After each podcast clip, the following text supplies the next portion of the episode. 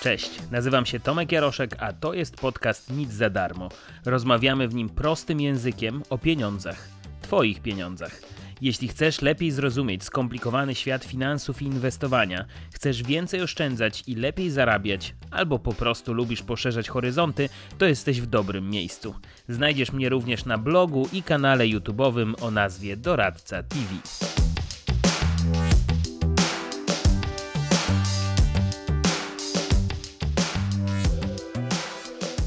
Trzeba przyznać, że jest bardzo niewielu ludzi, którzy potrafią szczerze powiedzieć światu: tak, miałem szczęście. Gdyby nie ono, mój biznes nigdy nie odniósłby takiego sukcesu. Za to w drugą stronę działa to przepięknie, no bo ile jest historii o geniuszach biznesu, o wybitnych inwestorach, o ludziach, którzy napędzają od lat ideę American Dream, czyli pracuj ciężko, a na pewno, na 100% w końcu ci się uda. Absolutnie nie chcę tym odcinkiem nikogo zniechęcać, ale chcę poruszyć bardzo ważny temat, który gdzieś tam po drodze w narracji często się gubi szczęście. Co to znaczy w ogóle mieć szczęście w biznesie? No i często dużo ważniejsza sprawa, czyli umiejętność zauważenia go i wykorzystania faktycznie na swoją korzyść o co chodzi w szczęściu w inwestowaniu i o tym, jak w ogóle dać mu szansę, no i przede wszystkim o akceptacji tego, że świat jest tak skonstruowany i w takich warunkach biznesowych i inwestycyjnych gramy wszyscy i tego zmienić się nie da. Zaczynamy. Nic za darmo. Zaprasza Tomek Jaroszek. Ten temat wpadł mi do głowy z dwóch powodów i wcale nie chodzi o to, że są wakacje i niewiele dzieje się na rynku. No, po pierwsze, czytam sobie przetłumaczoną nie tak dawno na polski książkę Psychologia pieniędzy Morgana Hausela. Zacząłem wprawdzie ją czytać już dobrych kilka miesięcy temu, jeszcze w wersji oryginalnej po angielsku, ale przyznaję, że tak mi się spodobała, że postanowiłem poczekać z recenzjami, aż przeczytam również polskie wydanie, które dopiero niedawno się ukazało. Poza tym kawałeczek książki dzisiaj wam przeczytam, no bo ma super historię właśnie o tym, jak jedni mają szczęście, a inni po prostu pecha i tak ten świat jest skonstruowany, także w kontekście pieniędzy. Natomiast drugi powód, który pchnął mnie w stronę tego tematu dzisiejszego odcinka, to reklamy. Reklamy, które bombardują mnie dosłownie od kilku tygodni. Jak to łatwo inwestować? Nie trzeba robić absolutnie nic. Wystarczy kupić abonament, a najlepiej pełny dostęp do kopiowania ruchów geniusza no i oczywiście wszyscy mają ten sam dowód, e, że inwestowanie jest banalnie proste. Tym dowodem są wyniki, ale wyniki głównie z ubiegłego roku. Albo no, czasami są portfele prowadzone od kilku lat z zawrotną wręcz stopą zwrotu, tyle tylko, że jakoś ten ostatni rok wykręcił kilkukrotnie lepszy wynik niż poprzednie 4 lata razem wzięte.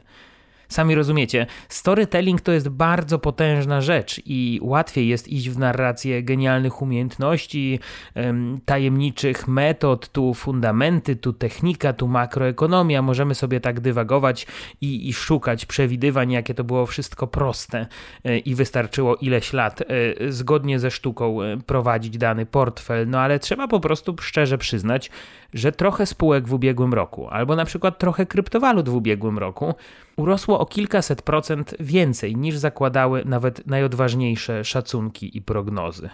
A miniony rok w ujęciu historycznym był tak zwaną anomalią. I zarówno przy skali spadków, jak i wzrostów cen. A anomalia, jeśli spojrzymy na historię rynków finansowych, oznacza bardzo duże odstępstwo od średniej, wręcz takie skrajne wyniki, co jasno sugeruje nam, że takie lata zdarzają się bardzo, ale to bardzo rzadko. No to teraz wróćmy do tematu naszego szczęścia, o którym ewidentnie tutaj chyba ktoś nie mówi w tych reklamach. Nagłówki gazet biznesowych również rzadko kiedy poruszają temat szczęścia, no bo to psuje nam całą narrację budowaną przez lata wokół właścicieli niektórych biznesów. Dopiero kiedy zaczynamy kopać głębiej i sięgamy do dłuższych wywiadów albo do biografii czy autobiografii, wtedy znajdujemy konkretne historie o tym, że to właśnie szczęście było czasem potrzebne i kluczowa była umiejętność wykorzystania go i skorzystania z szansy, którą ktoś dostał w trakcie swojej biznesowej drogi. To teraz dłuższy fragment z Morgana Hausela dotyczący jednego z najbogatszych na świecie, przy okazji przyjaciela Warrena Buffetta, a od niedawna także ulubieńca y, antyszczepionkowców w internecie, pana Billa Gatesa. Bill Gates był uczniem jednego z nielicznych liceów na świecie, które miały komputer – Historia o tym, jak liceum Lakeside School mieszczące się na obrzeżach Seattle weszło w posiadanie komputera jest naprawdę niezwykła. Pilot marynarki wojennej, który brał udział w II wojnie światowej, po powrocie do cywila został nauczycielem matematyki i fizyki w szkole średniej. Uważał, że do nauki same książki nie wystarczą. Potrzebne jest jeszcze doświadczenie zdobyte w prawdziwym życiu. Miał również świadomość, że powinniśmy wiedzieć co nieco o komputerach, gdy pójdziemy do koledżu. Wspomina Paul Allen, nieżyjący już współzałożyciel Microsoftu. W 1968 roku Google napisał petycję do członkiń klubu matek z Lakeside School, aby przeznaczyły środki z dorocznej wyprzedaży, około 3000 dolarów, na wypożyczenie komputera.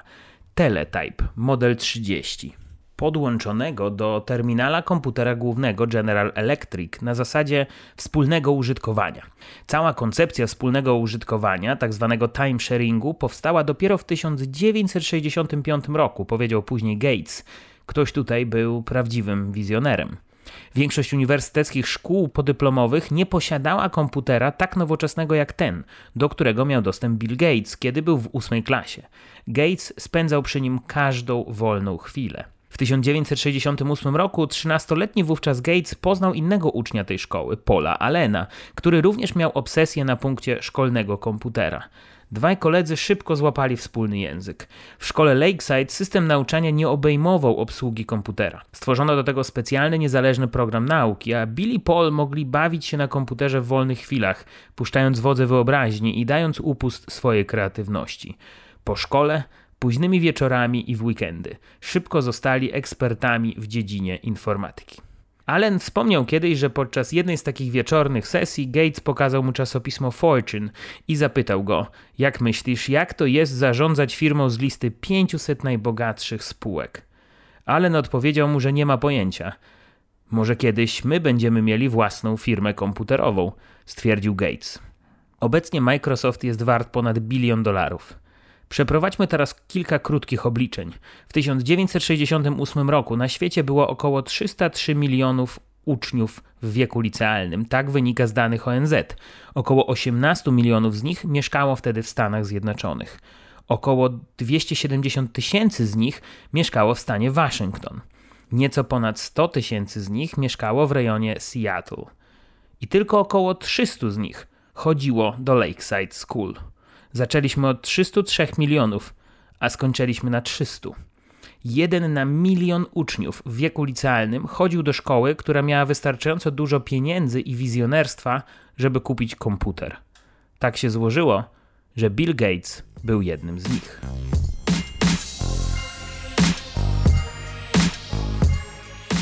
Niesamowite, prawda?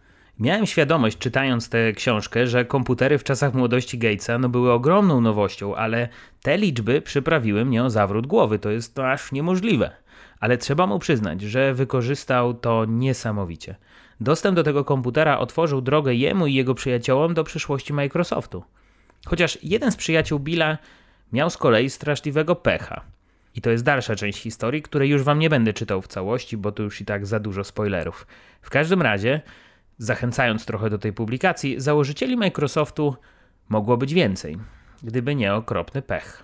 Jestem przekonany, że jeśli poszukacie trochę w swoim biznesowym życiu, to znajdziecie takie historie, które z biegiem lat zmieniały swoją perspektywę. Wychodzimy trochę ze świata Billa Gatesa i gigantycznych pieniędzy, bilionowych wycen, e, schodzimy do Polski. I przykład bardzo prosty z mojego życia, już e, niedługo sięgający chyba dekady. No ale zasada z tego przykładu jest jak najbardziej uniwersalna. Pamiętam taką historię sprzed lat z firmą, z którą zdarzyło mi się pracować przez dobrych kilka miesięcy. Nie będę tu rzucać nazwiskami, no bo nie chodzi o konkretnych ludzi, a pewne zależności, ale myślę, że zrozumiecie na czym cała sztuka polega. W każdym razie poznałem firmę, której pomogłem rozkręcić pewien interes. Firma totalnie w długach, udająca przed klientami, że ma kasę, żeby wszyscy widzieli pasmo sukcesów, ale tak naprawdę utrzymująca się już ileś miesięcy wręcz na kredyt. I teraz cały problem. Firma próbuje osiągnąć przedsięwzięcie X, ale nie ma szans tego zrobić. Partner biznesowy, który ma prawa do tego danego produktu, odmawia, mówi wprost, że są za mali, nie spełniają warunków, żeby się po prostu odczepili i sobie darowali, bo to się nie może udać. Jednak po drodze wpada propozycja zrobienia przedsięwzięcia Y. Ten sam partner biznesowy poszukuje firm do innego rodzaju produktu i chce po prostu na Polskę sprzedawać coś i dzielić się przy okazji wysokimi prowizjami. Nasza znajoma firma z tej historii bardzo niechętnie, ale mówi, że no dobra, weźmie to. Może jak to im się w ogóle uda jakoś uruchomić, to udowodni, że warto jej zaufać i, i coś dalej razem uda się zrobić. I teraz twist historii. Ten drugi produkt, którego nikt specjalnie nie chciał i który był trochę wciśnięty wręcz na siłę, okazuje się samograjem i zarabia kupę pieniędzy. Nie tylko wyciąga firmę z kłopotów finansowych, ale też wynosi ją do najwyższej ligi w ich branży. I teraz na czym polega mój problem? Ja znam tę historię bardzo dokładnie od środka, ale świat na zewnątrz znają zupełnie inaczej. No bo narracja jest prosta. Nigdy nie było długów była pewna siebie firma, która doskonale wiedziała, że produkt Y jest genialny. I ba, zabiegała o niego latami. To było jedno wielkie, starannie przemyślane pasmo sukcesów. Ba, nawet ja się zgubiłem w tej historii po latach i wiele osób się zgubiło w tej historii, no bo ojciec sukcesu zawsze jest jeden i to jest ten właściciel. Po co ja w ogóle wam to opowiadam? Bo takich historii jest dużo więcej niż wszyscy myślimy. Ja też znam tylko kilka, a pewnie nieraz współpracowałem z firmą, która ma coś takiego podobnego schowanego w szafie. Po prostu szczęście gdzieś gubi się po drodze, gdy buduje się narracja, a czasem wręcz legenda genialnych założycieli. No czasami ego może wyprzeć e, suche fakty. Warto mieć to na uwadze, bo we wszystkich historiach, które słyszymy, bardzo często brakuje elementów i tych wszystkich elementów układanki po prostu nigdy nie poznamy, a operujemy tylko i wyłącznie na jakichś wyrwanych kliszach. Wiele w naszym życiu zależy od takich właśnie przypadków i tego tak naprawdę, jak je wykorzystamy, no bo to inna sprawa, ale nasze umiejętności to też niestety, albo stety, nie wszystko. Mam też taką drugą starą historię, jak to może zadziałać w drugą stronę, kiedy wszystko powinno zadziałać idealnie, kiedy są umiejętności, są warunki, wszystko jest dokładnie tak jak trzeba, a mimo to czegoś się nie udaje zrobić. Kiedyś duża telewizja chciała zrobić program edukacyjny o finansach, taki ogólnopolski, duże budżety, prime time, sponsorzy, no prawdziwa telewizja. No i co? Zrobili casting na prowadzącego. Długo nie trzeba było czekać, zapisałem się dosłownie w sekundę i to było jeszcze wtedy, gdy może subskrybentów na moim kanale było 500 osób, może trochę więcej. Poszedłem, pogadałem i merytorycznie casting wygrałem. Ale nie miało to żadnego znaczenia, bo produkcja założyła później, że jednak lepiej będzie się oglądać, jak prowadzić będzie kobieta i nie taki kmiot jak ówczesny ja. Tylko na castingu tego nikt nie powiedział, no bo jakoś by to źle wyglądało, że casting tylko dla pani. Powiedziano to dopiero później. Historia ma taki finał, że byłem na tym castingu najlepszy, tylko że merytoryka nie miała żadnego znaczenia. Przez kilka tygodni, żeby było śmiesznie, pomagałem jeszcze później przy tym programie właśnie jako wsparcie merytoryczne, bo w programie o finansach prawie nikt nie znał się na finansach i musieli zatrudniać zewnętrznych ekspertów. Więc mam z tyłu głowy od tamtej historii, że absolutnie umiejętności y, to jest ważna rzecz, ale to nie jest tak, że to one się tylko i wyłącznie liczą. No, jeśli nie ma tego szczęścia, albo jeśli ktoś po drodze podrzuci nam jakoś tego typu kłodę, no to choćbyśmy byli nie wiem jak przygotowani, niektórych rzeczy nie przeskoczymy i nie ma co się tym aż tak przejmować.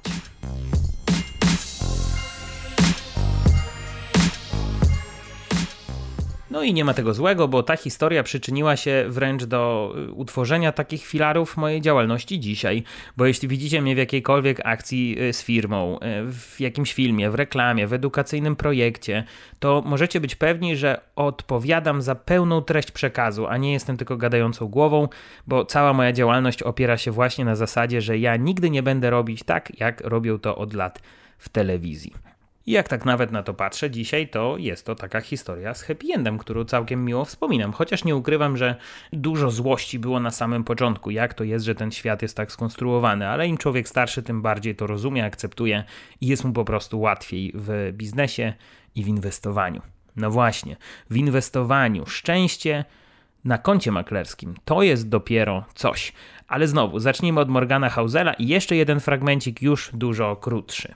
Łatwo jest znaleźć informacje o wielkości majątku Warrena Buffetta albo o tym, jaki roczny zwrot przynoszą jego inwestycje. Można nawet przeczytać o jego najlepszych, najbardziej trafnych inwestycjach. Wszystkie te informacje są powszechnie dostępne i to jest coś, o czym ludzie oczywiście lubią rozmawiać. Dużo trudniej jest prześledzić wszystkie inwestycje, jakie sfinansował w ciągu swojej kariery. No bo nikt nie rozmawia o nietrafionych wyborach, brzydkich biznesach czy przejęciach, które okazały się porażką. A przecież to też są ważne elementy historii Buffetta. Wszystkie razem składają się na drugą stronę medalu, gdzie pierwszą są oczywiście zyski uzyskane dzięki skrajnym inwestycjom. Na zebraniu akcjonariuszy Berkshire Hathaway w 2013 roku Warren Buffett powiedział, że w ciągu swojego życia posiadał od 400 do 500 akcji, a większość pieniędzy przyniosło mu 10 z nich. Charlie Munger podsumował to w ten sposób: Gdyby usunąć kilka najlepszych inwestycji Berkshire, jego długofalowe sukcesy byłyby raczej przeciętne. Kiedy analizujemy sukces osoby, którą podziwiamy, możemy przeoczyć fakt, że źródłem jej zysków był tylko niewielki procent jej działań, a wówczas, patrząc na własne porażki, straty i trudności, dochodzimy do wniosku, że musimy coś robić źle. Tymczasem bardzo możliwe, że jesteśmy w błędzie albo mamy tylko trochę racji. Tak samo jak nasi idole, którzy być może mieli więcej racji w tych momentach, gdy się nie mylili. Jednak mogli być w błędzie równie często jak ty. George Soros powiedział kiedyś: Ważne jest nie to, czy masz rację, czy się mylisz, lecz to, ile pieniędzy zarobisz, gdy będziesz mieć rację, a ile stracisz, gdy się pomylisz. Możesz przez połowę czasu być w błędzie, a i tak dorobić się fortuny. Coś w tym jest, co? I teraz moja króciutka historia, znowu nawiązująca do tego, jak szczęście może mieć duże znaczenie w inwestowaniu i od nas zależy, do jakiej narracji się przyznamy. W 2017 roku y, sprzedałem bitcoiny na samej górce. Dosłownie. Chyba jeden dzień przed silnymi spadkami i w zasadzie początkiem rynku niedźwiedzia mógłbym teraz wyciągnąć wykres czy historię ze starego BitBaya i pokazać, jak ten rachunek wyglądał. Tylko, czy ja wtedy byłem geniuszem spekulacji kryptowalut? Absolutnie nie, bo tak się składa, że rynek o takiej zmienności, zresztą sami doskonale wiecie, działający 24 godziny na dobę, dla mnie wtedy był totalnie nie do zniesienia. Szczególnie, że byłem zmęczony po ciężkim roku, z małej kwoty zrobiła się spora kwota. Tam już to było coś, co, co chciało się odświeżyć na telefonie, no bo można było wyjść z domu i mieć o kilka tysięcy złotych mniej lub więcej. No i był grudzień, więc jechałem na święta do rodziców. Podjąłem wtedy decyzję, że na kilka dni wychodzę z rynku całkowicie. I to tak po prostu. Zrobiłem całkiem ładny zysk w dosłownie ostatnich tygodniach hossy, bo ja też nie jestem z tych, co trzymali tego bitcoina wiele, wiele lat. Więc muszę mieć kilka dni spokoju, bez zerkania ciągle na telefon. I tak też zrobiłem. A co było później? Krach. Powiem wprost, miałem największego farta ever, bo kiedy ja pałaszowałem wigilijnego karpia, tam już się zaczynał rynek niedźwiedzia na kryptowalutach. I mogę szczerze się do tego przyznać, szczególnie wobec samego siebie, że czasem po prostu ma się zwykłe szczęście, bo gdybym nie pojechał wtedy na święta do rodziców, albo gdybym nie podjął tej decyzji, że chcę mieć chwilkę świętego spokoju, to pewnie ileś tysięcy złotych by dosłownie zniknęło z mojego rachunku jeszcze zanim zacząłby się nowy rok. Podejrzewam, że wiele osób słuchających y, tego podcastu też miało szczęście, y, chociażby w ubiegłym roku, w 2020, kupując jakieś akcje, które urosły o kilkaset procent albo o kilkaset procent więcej niż odważni analitycy mogliby prognozować. Najlepszym tego przykładem jest chociażby Asbis. Spółka niedoceniana od lat, ja ją w ogóle pokazywałem w portfelu 10K dobrych kilka lat temu na YouTubie, ona chyba wtedy była w okolicach 3 zł za akcję. No i co? Jak robiłem notatki do tego odcinka, to cena wynosiła już chyba wtedy 22 zł. A po drodze jeszcze był covidowy dołek, więc on zrzucił notowania do tam nieco ponad złotówki. Na upartego można było dosłownie zarobić dwudziestokrotność włożonego kapitału, jeśli e, zamknęliśmy oczy, kupiliśmy coś na dołku i przeczekaliśmy i nie przeszkadzaliśmy. Tak się składa, że akurat jeden z widzów mojego kanału napisał do mnie, że na początku pandemii usłyszał, jak mówię w którymś wideo, że tam Asbis, Ambra, Kruk i kilka spółek, takie dosyć mocno przecenione, y, ciekawe walory. I tak się składa, że temu widzowi zostało trochę pieniędzy i zrobił to, czego oczywiście ja nie pochwalam i nigdy nie będę tego pochwalał, czyli zainwestował dokładnie w te spółki, o których powiedziałem w wideo, bo mnie słucha od lat i stwierdził, że wierzy mi na słowo. Można powiedzieć, że odrobiłem za niego pracę domową, bo on się musi zająć swoim biznesem w kryzysie. Konto miało być na długie lata, więc zasada była prosta, człowiek nie będzie tam zaglądał i to jest właśnie klucz tej historii. bo mój widz zarobił zapewne więcej ode mnie, bo nie zaglądał na konto i dał całkowicie zyskom rosnąć. Tam, gdzie ja na przykład skracałem nieco pozycję, bo ten wzrost wydał mi się nieprawdopodobny i chciałem już trochę zysku zabrać, tam osoba, która nie zaglądała na konto, y, nawet pewnie nie wiedziała, że skala wzrostu jest tak duża. Powiem wprost, byłoby czasami super przyznać się przed samym chociażby sobą, że mamy szczęście. Czasem umiemy to szczęście wykorzystać i pójść za ciosem, a czasem po prostu to zaakceptować. I tak też bywa.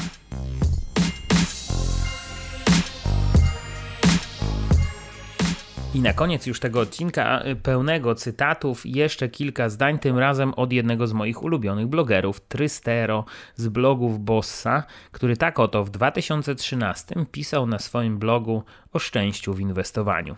W równaniu sukcesu szczęście jest najbardziej ignorowanym czynnikiem. Myślę, że wpływają na to skrzywienia zarówno na poziomie indywidualnym, no bo ludzie mają skłonność przypisywać sobie zasługi za sukcesy i zrzucać odpowiedzialność za porażki na czynniki od nich niezależne jak i społecznym, akceptowanie roli szczęścia w osiąganiu sukcesu jest dużo mniej dydaktyczne niż podkreślanie roli ciężkiej pracy, wytrwałości czy też talentu. Nie ulega jednak wątpliwości, że czynnik szczęścia odgrywa rolę w każdej dziedzinie życia. Doskonale unaocznił to kiedyś Jack Schwager, który powiedział, że trudno sobie wyobrazić totalnego żółtodzioba, który wkrada się do filharmonii, zaczyna udawać solistę, bierze skrzypce, wychodzi na scenę i gra jak wirtuos. Nikt z nas nie oczekuje, że osoba pozbawiona wiedzy medycznej będzie w stanie przeprowadzić skomplikowaną operację tylko dlatego, że dopisze jej szczęście. Z inwestowaniem jednak jest inaczej. W tym przypadku można sobie wyobrazić osoby, które osiągają wyśmienite rezultaty dzięki szczęściu.